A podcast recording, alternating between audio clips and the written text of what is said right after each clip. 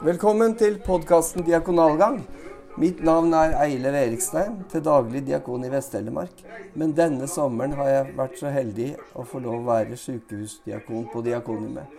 Bli med inn på Diakoniumet og få møte sykehusdiakon Gudmund Wisløff og ledende sykehusprest Aud Irene Svartvassmo.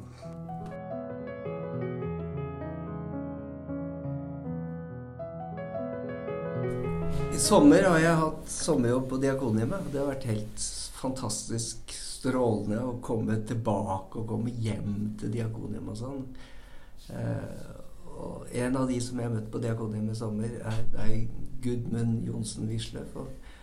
Gudmund, du har vært diakon på Diakonhjemmet i eh, Tre og et halvt år nå. Før det? Hva gjorde du før? Før? Før det så har jeg en lang karriere i Kirkens Bymisjon Oslo. Um, På, et, uh, på en institusjon, eller et overnattingssted for kvinner i, i rus- og gateprostitusjonsmiljøet. er mest det norske miljøet, da.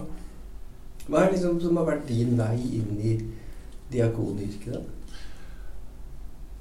Og jo langt tilbake, da. Ja, det, er liksom, det er jo litt sånn Det er litt sånn som Vi er jo litt grå. Ja da, vi er det. Altså, jeg, jeg er kanskje ikke så grå. Du er grå, men jeg har, jeg har ikke så mye grå hår. Men det er en lang Ja. Det er en lang historie. Mange på en måte har sånn yrkene sine. Men øh, jeg husker Jeg var vel i 1991. Så møtte jeg en øh, diakon. Uh, før jeg begynte å ta utdannelsen. Uh, og øh, da tenkte jeg at nei, det her, det vil jeg også gjøre. Så det er liksom sånn som det er Hvis du får et øh, fotballag, Ja. så har du det fotballaget til du dør. Sånn, du bytter ikke fotballag. Det var jo litt sånn følelse at nei, dette skulle jeg bli, og dette, dette skulle jeg gjøre til jeg ikke kan det lenger. Så sånn ble det. At, øh, hadde jeg nok en, en, en, en forkjærlighet for på en måte kirketro.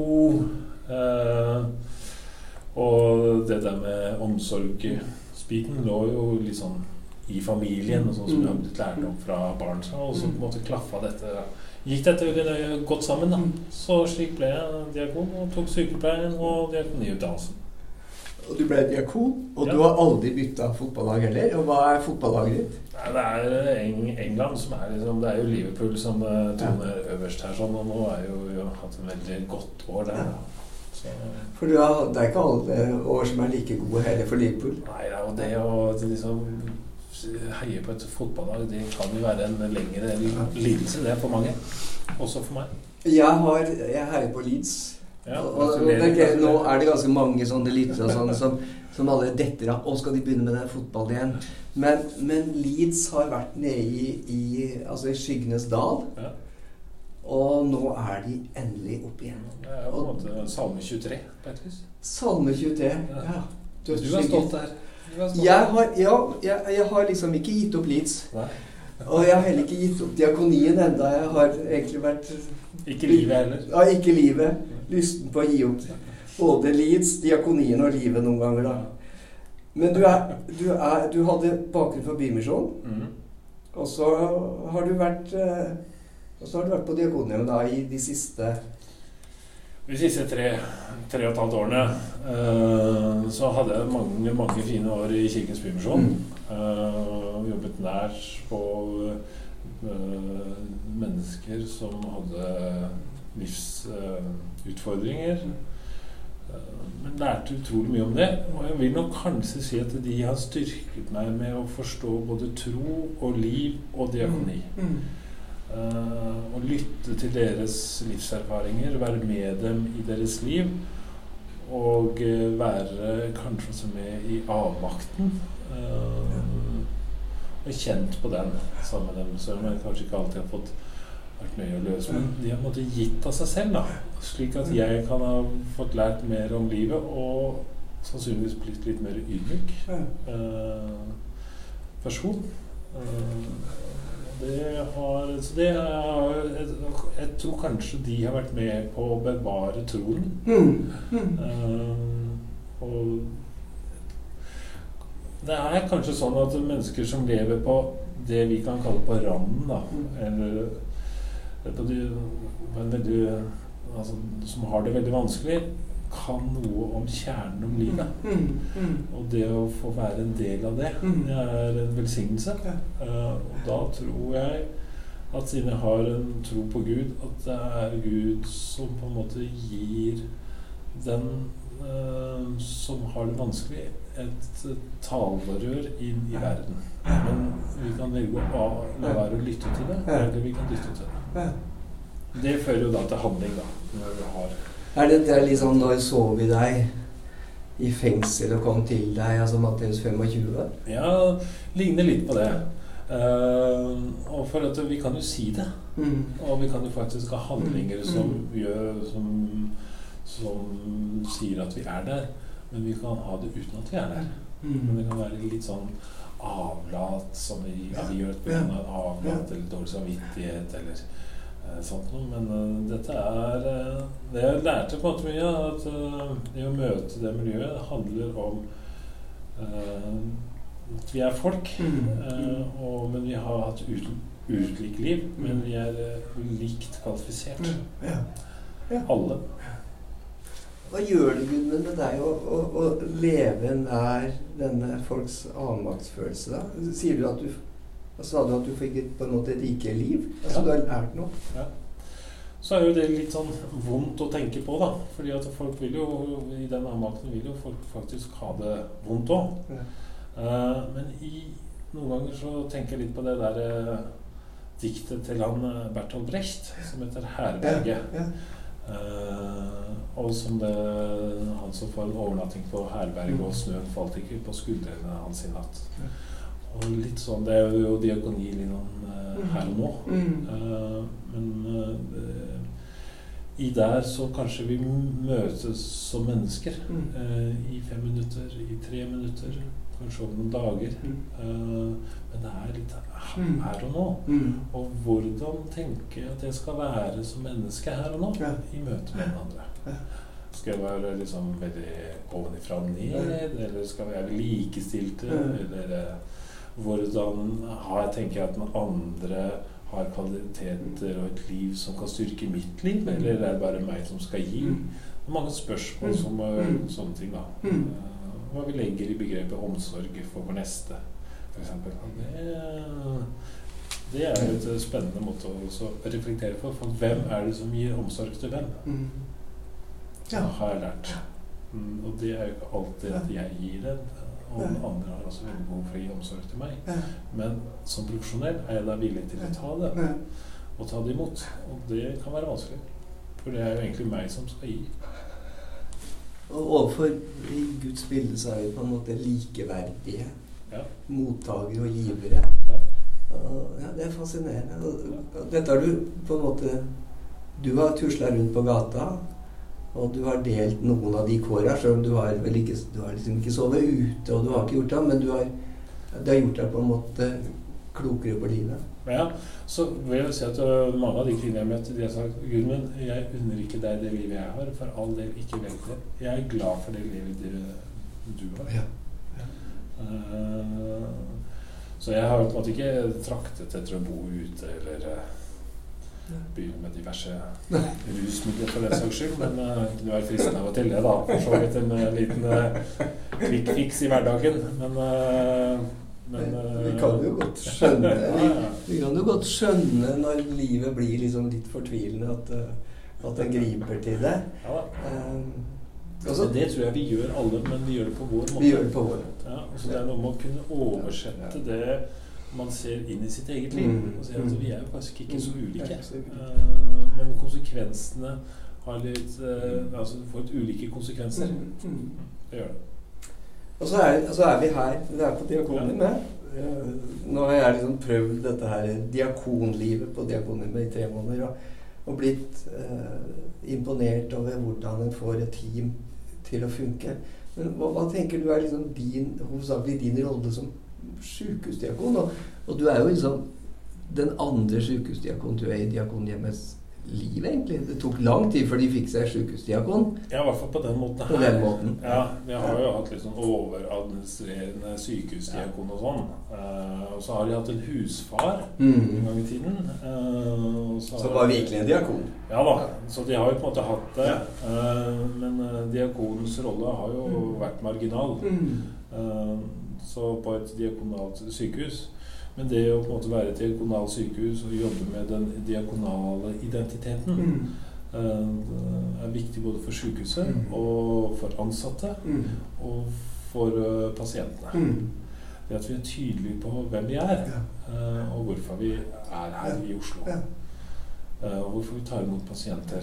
Eller om det kan være i andre plasser, da, men som du har en sykehusdrift som er diakonal. Uh, som er preget av verdier, profesjonalitet, Mm. Mm. kvalitet. Uh, og diakoni er jo ikke bare en følelse. Uh, det er et fag. Og som er på et fag likestilt med andre fag.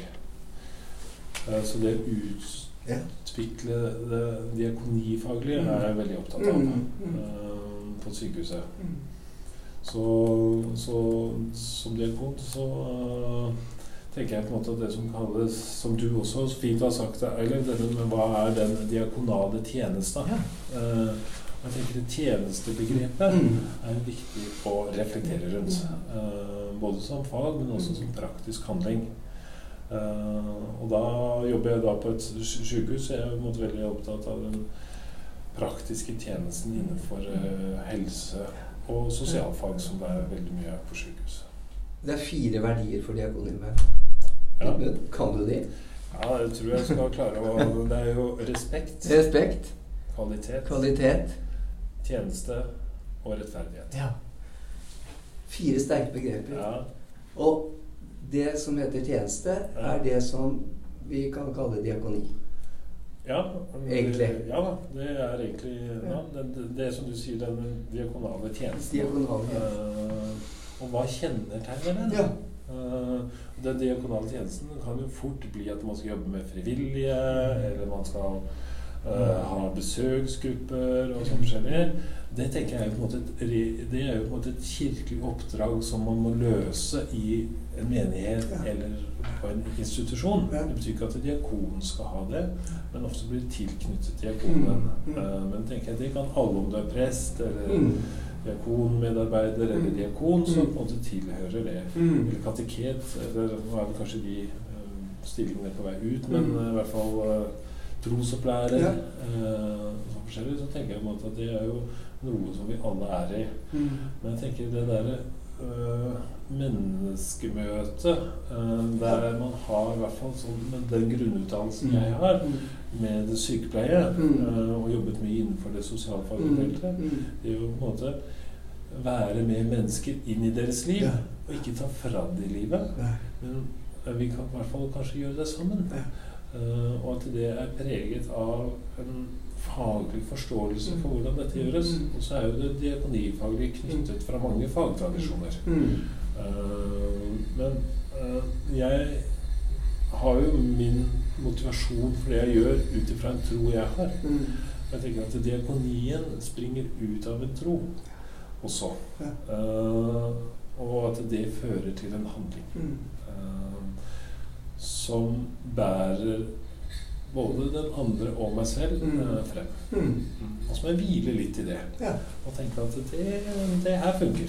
Uh, så er det ikke alltid liksom, jeg kan kjenne på at dette funker heller, men uh, det er liksom en del å være en del av noe større. Mm.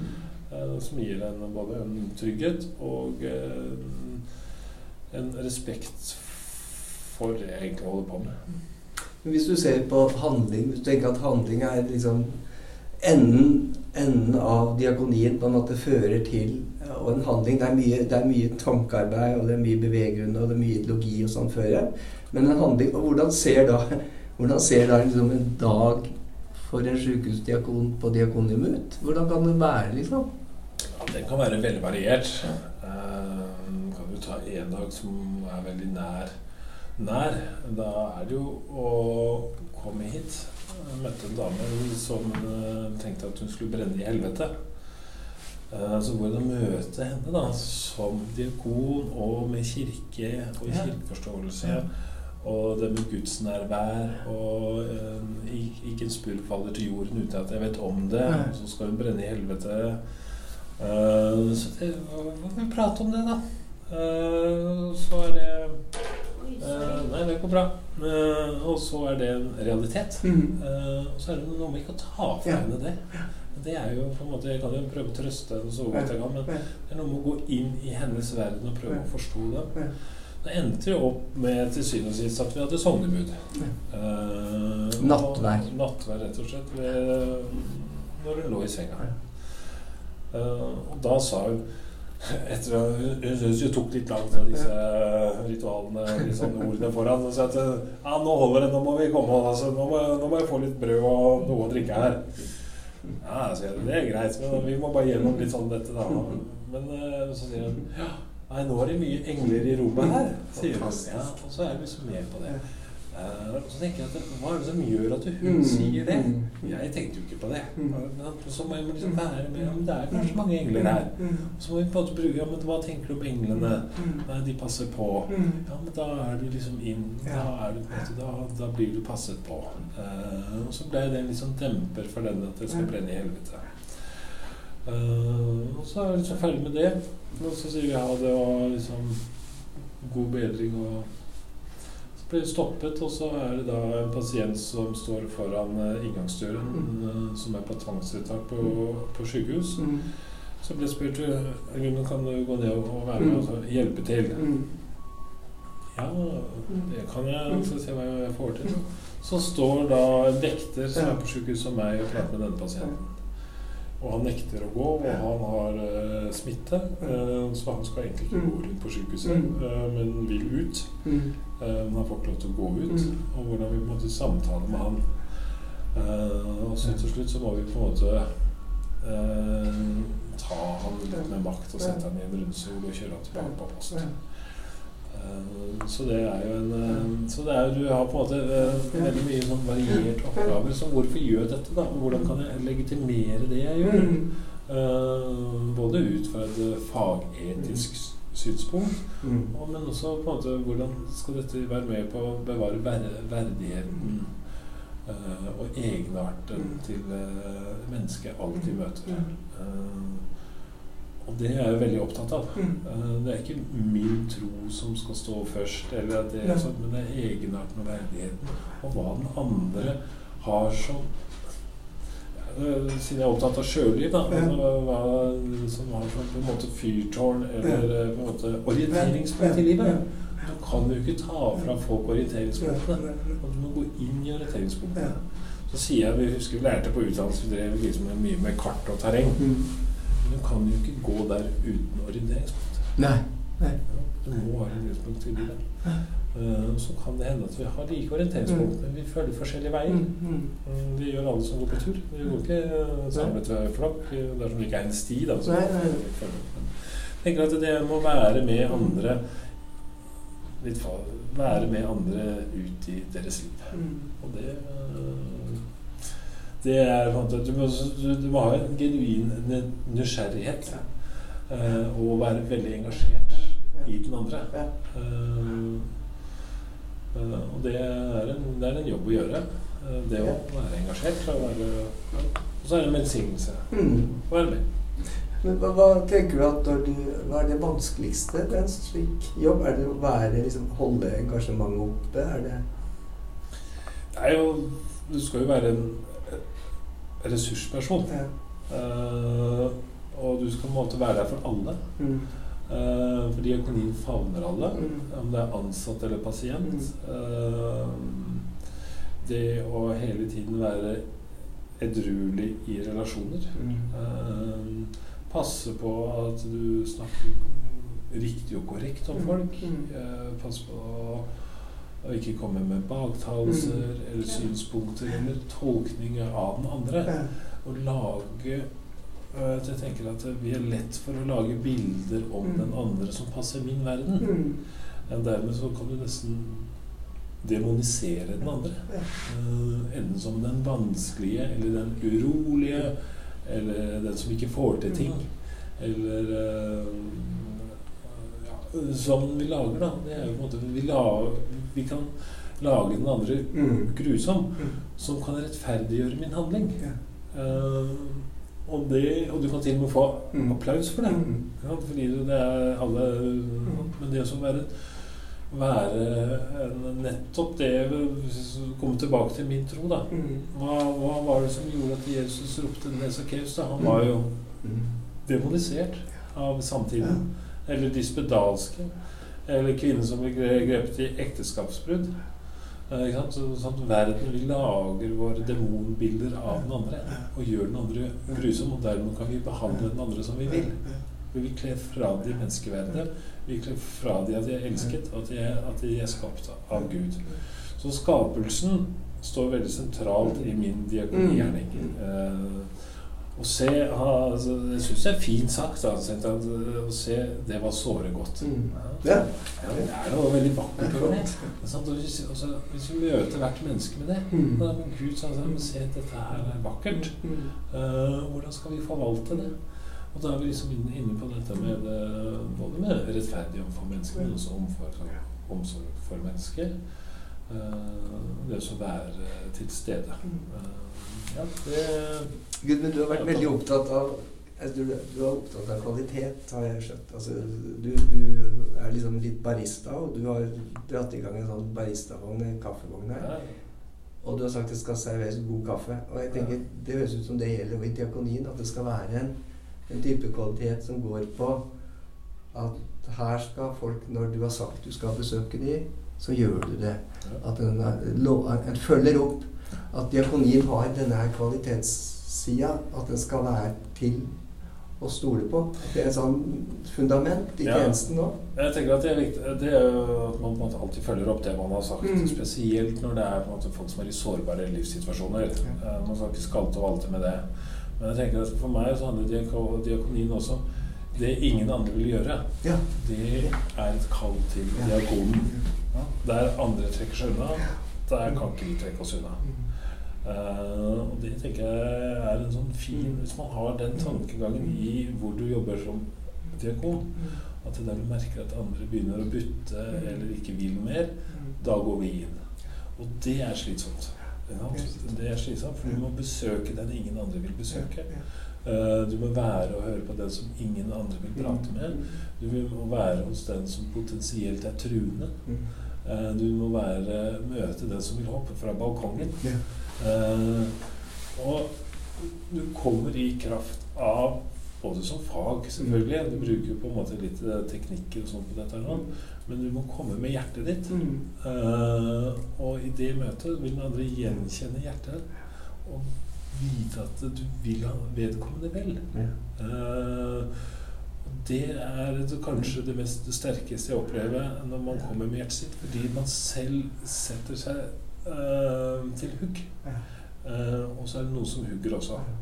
Men ikke de som ser at du kommer med hjertet. Og det er kanskje de som er på ytterst på rammen. Her ser de noen som kommer.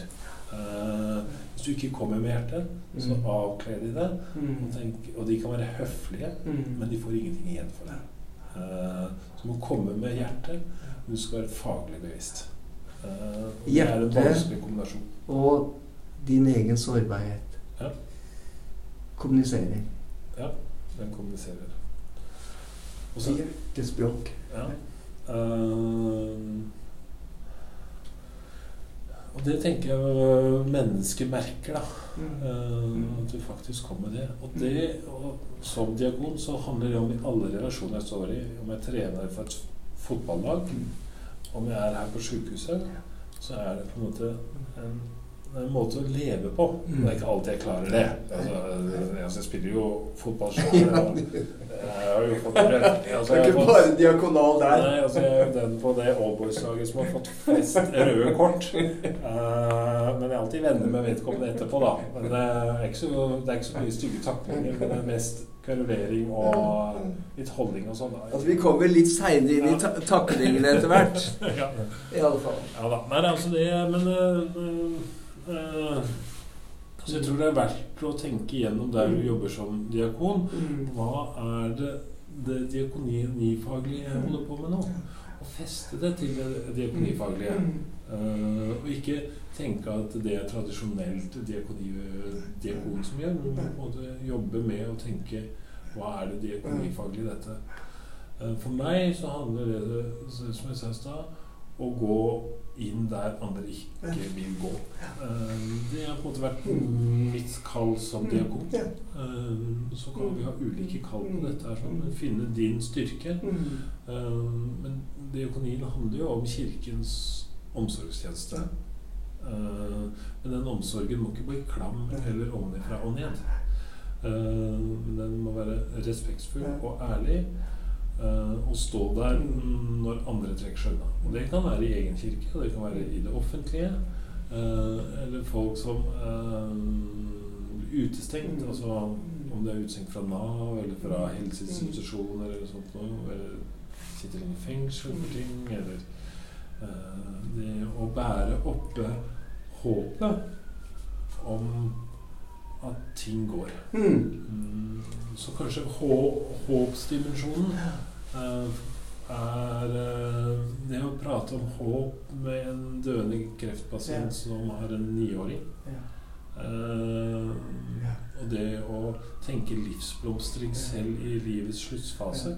Ikke alltid jeg får til det. og ikke alltid jeg vet hvordan jeg skal få det til, men uh, noen ganger så klarer vi å få til noen gode prosesser. Eller, uh, det er da det er godt å ha, ha et fotballag som gjør at en tror på seier i neste kamp.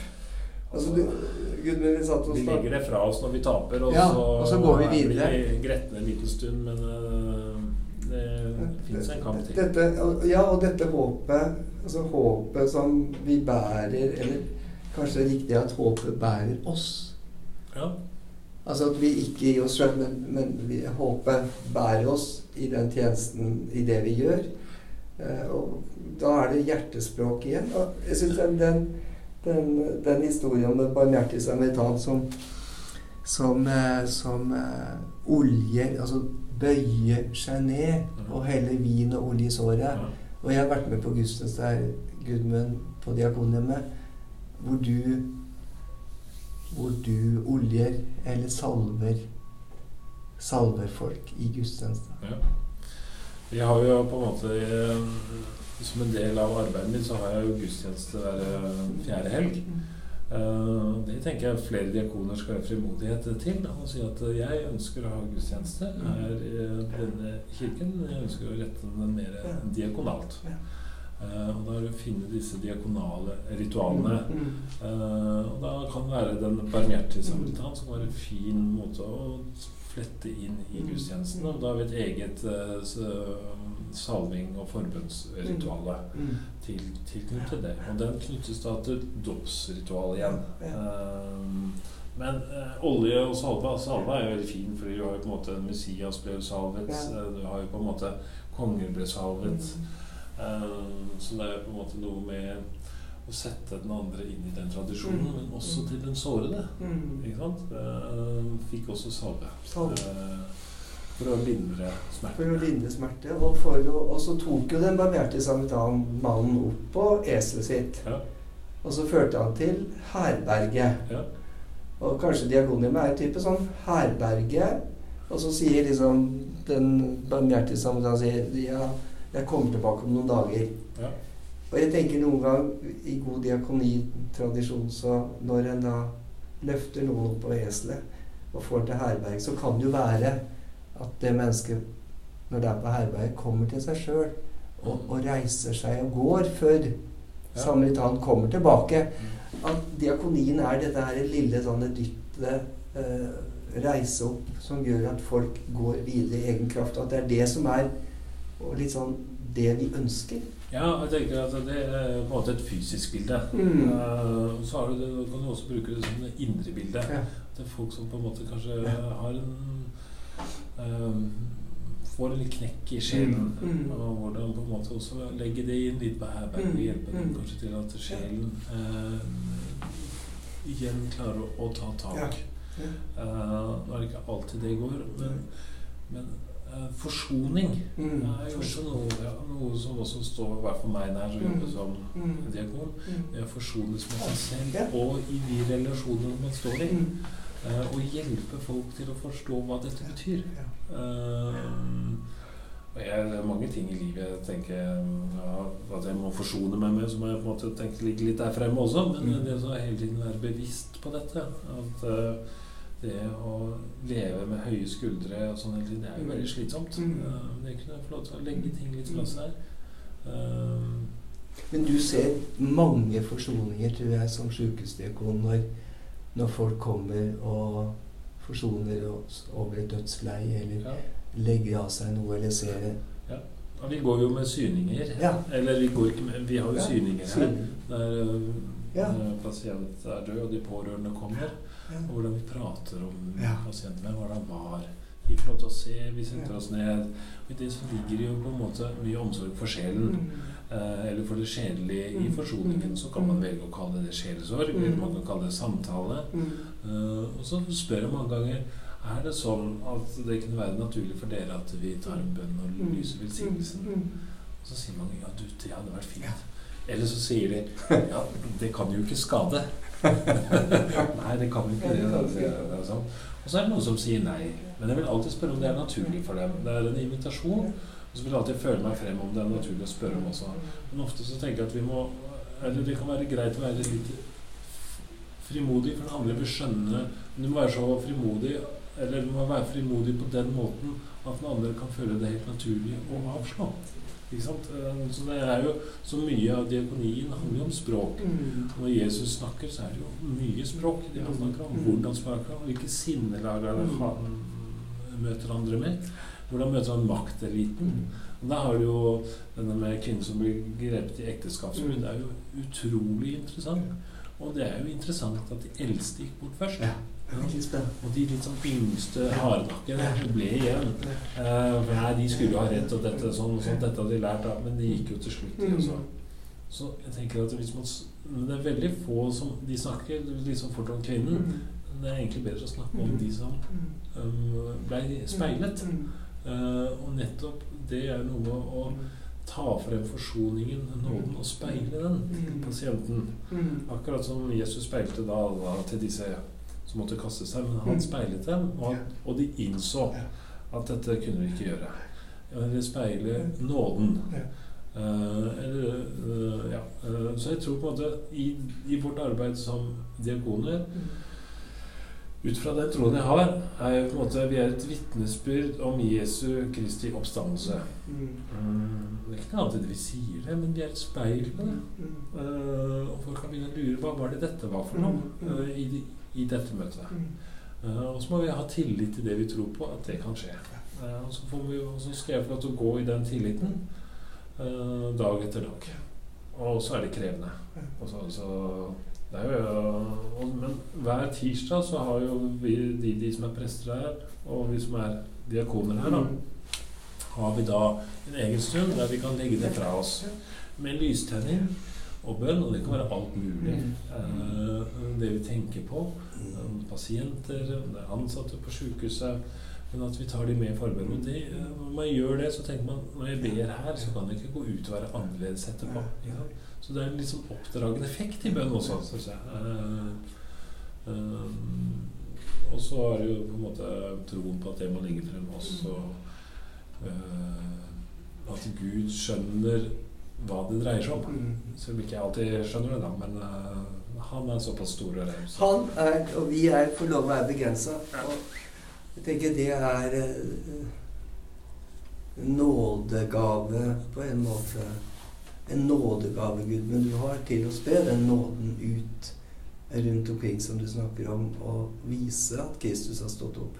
Så blir det, så blir det liksom sånn Noen ganger kan man tenke at det er litt sånn klamt eller trangt når en begynner å bruke disse ordene, men, men jeg tenker når folk er virkelig nær noe avgjørende tidspunkt i livet, så forstår de seg enda mer på de store orda, på en måte.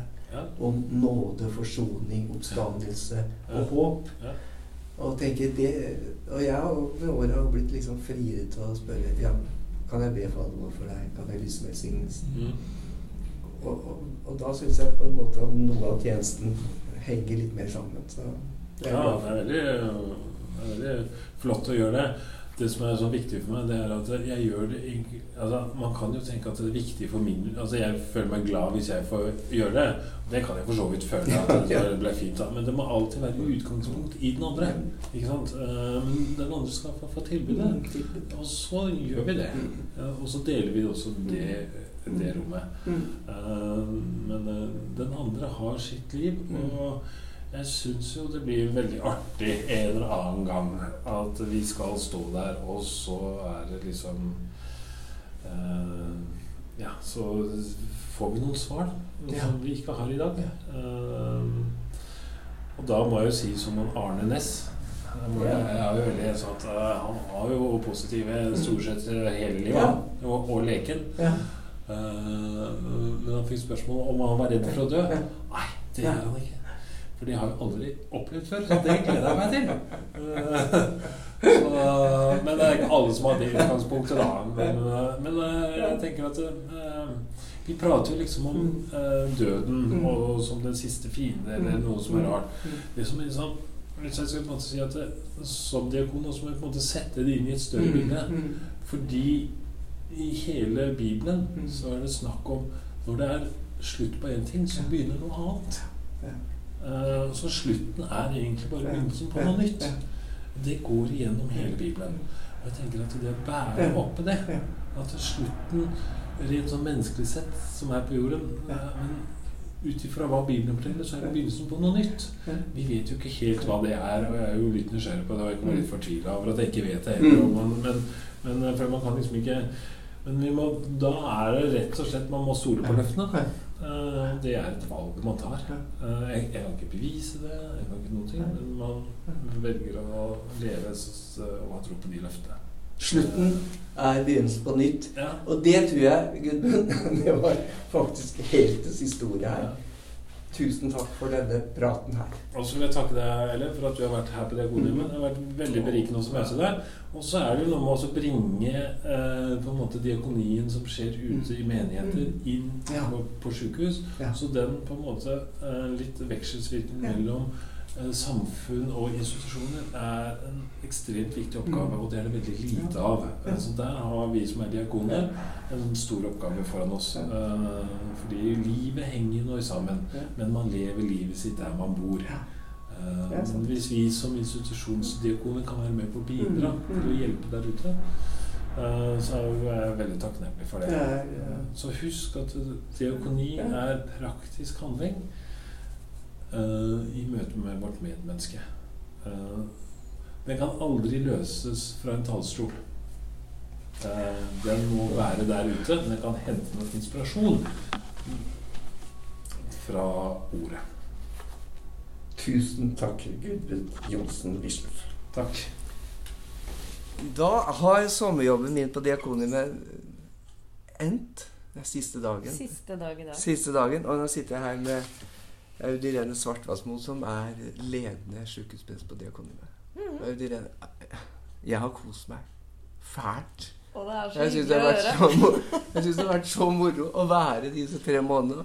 Og jeg har sagt noen ganger at det er som å komme hjem. Og jeg er veldig glad i Diakonhjemmet. Og så syns jeg at dere som team eh, gjør en sånn god diakonal jobb. Og jeg tenker Hva er det liksom Hva er det viktigste med det dere holder på med som et prest- og diakonteam på Diakonhjemmet?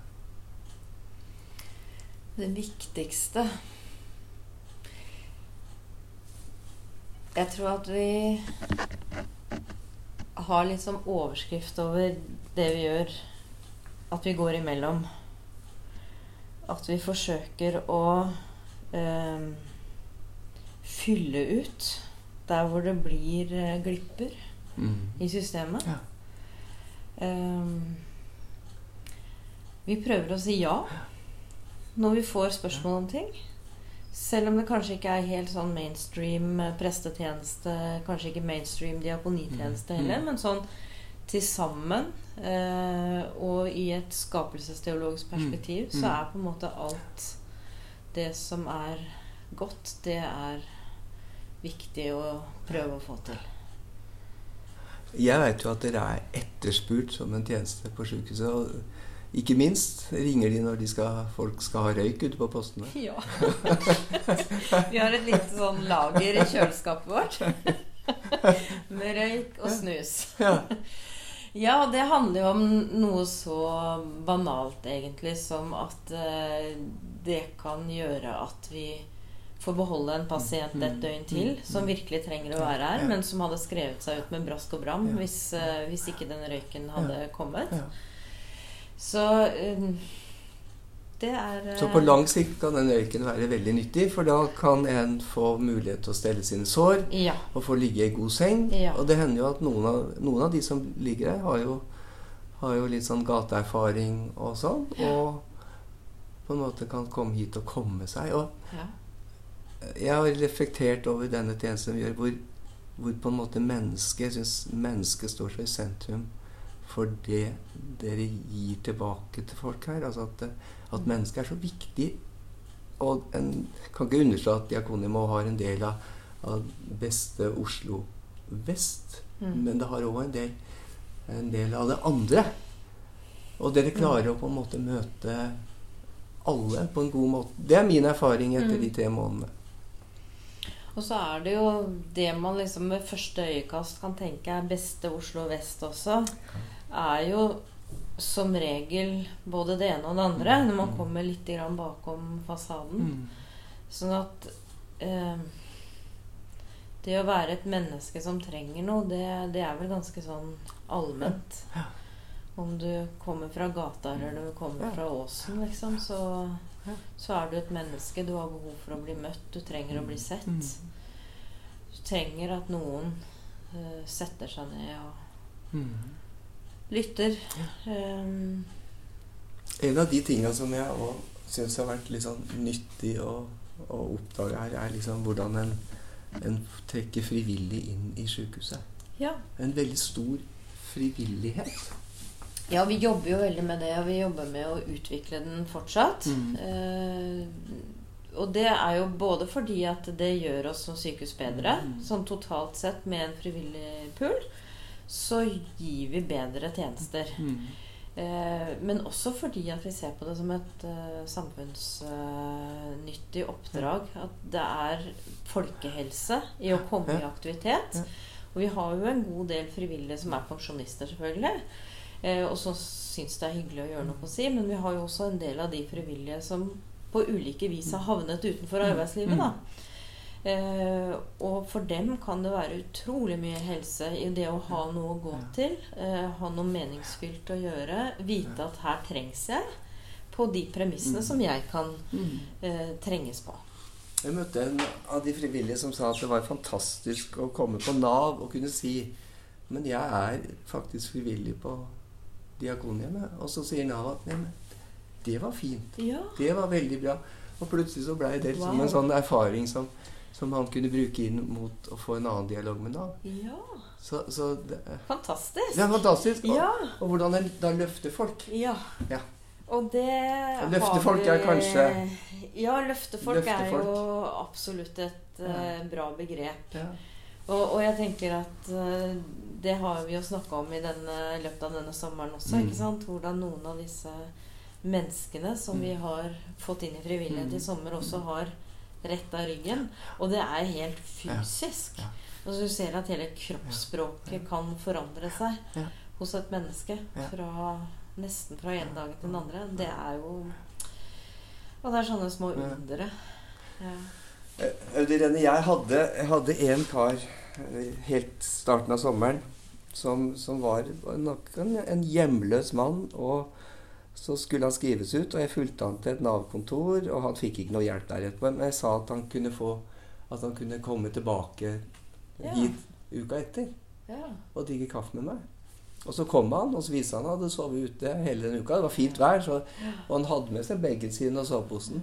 Og så spør jeg så Jeg kjøpte en kopp kaffe til en tolv kroner kosta det. Det var ikke så ille for meg, det. Men, og så spør jeg hvor, hvorfor kom du nå egentlig tilbake? Fordi Mm. jeg har ikke noe sted å, å, huse, å huse Nei, du deg. kan egentlig ikke hjelpe Jeg kan, egentlig, sant? jeg kan egentlig ikke hjelpe ham. Så sa han Men her møtte jeg et lite snev av vennlighet, og det var nok for meg. Ja. Wow. Og det er jo et statement. Det er det. Ja. Og det kanskje for meg da denne sommeren liksom tone litt ut med at det er det jeg har møtt.